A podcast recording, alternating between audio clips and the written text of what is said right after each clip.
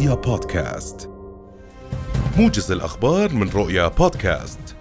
قال الناطق باسم وزارة العمل محمد لزيود إن تشغيل أصحاب العمل عمالة غير أردنية مخالفة يعرضهم لغرامات مالية مرتفعة بحسب تعديلات قانون العمل الجديد تصل بالحد الأدنى إلى 800 دينار أردني. وأضاف لرؤيا اليوم أن العقوبة تطال صاحب العمل الذي يشغل العامل المخالف وصاحب العمل الذي صدر على اسمه التصريح كما أن الحملة تأتي لحماية العامل من استغلال بعض الأشخاص الأشخاص له نظرا لعدم حيازته تصريح عمل سار المفعول. قال مدير دراسات المصادر الطبيعية في وزارة الطاقة هشام لزيود إن الوزارة أطلقت مشروع استكشاف شامل لجميع مناطق الأردن يتضمن إعادة دراسة جميع البيانات السابقة للمسحات الجيولوجية والمعدنية حيث تم توقيع تسع مذكرات تفاهم بينها مذكرتان للتعاون في مجال المسح الجوي وفي مجال دراسة العناصر الأرضية النادرة المتواجدة في جنوب الأردن. وبين لزيود لرؤيا اليوم أن الدراسات الأولية الجيولوجية أشارت إلى وجود كميات من الذهب والنحاس والليثيوم في الأردن ويجري حاليا التحقق من هذه الاحتياطات من خلال الدراسات التي تجريها الشركات ومن المتوقع ظهور النتائج النهائية بداية العام المقبل.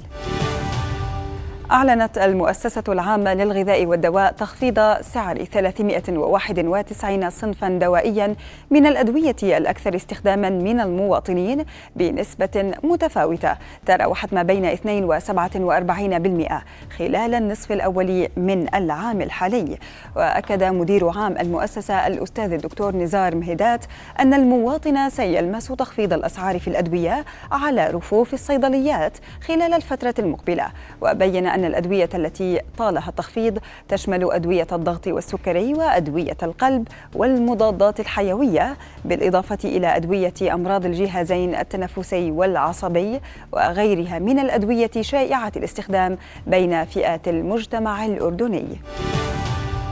أصدر وزير الأمن القومي في حكومة الاحتلال إتمار بن كفير تعليمات جديدة تهدف إلى تسهيلات في الضغط على الزناد وتتضمن منع مصادرة الأسلحة والتحقيق مع مطلق النار على فلسطينيين بمجرد الاشتباه بوقوع عمليات. وأفاد مراسل رؤيا أنه تمت المصادقة على التعليمات الجديدة بقسم التحقيقات في المقر المركزي لشرطة الاحتلال بهدف تشجيع المستوطنين على حيازة السلاح مشيرا إلى أنه قبل صدور التعليمات كان مطلق النار على منفذي العمليات يضطرون لتسليم أسلحتهم وأحيانا لفترة زمنية طويلة وفي بعض الحالات يجري التحقيق معهم تحت طائلة التحذير. دعت وكالة الغوث الدولية لتشغيل وإغاثة اللاجئين الفلسطينيين الأونروا إلى ضرورة توفير تمويل عاجل لإعادة الخدمات في مخيم جنين وزيادة الدعم للأطفال خاصة بعد العدوان الأخير الذي شنته قوات الاحتلال الإسرائيلي على المخيم.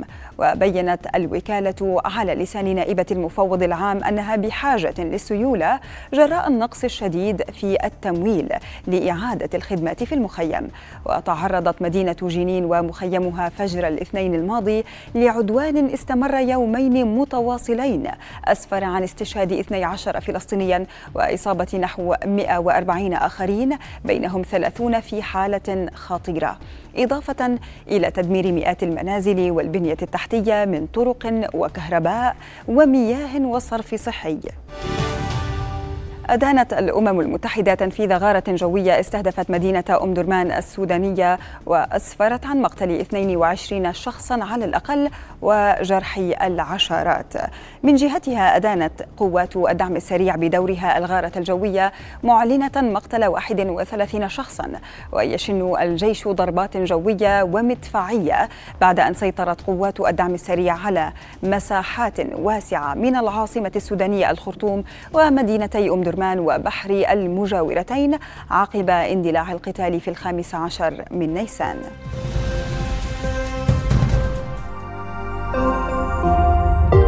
رؤيا بودكاست.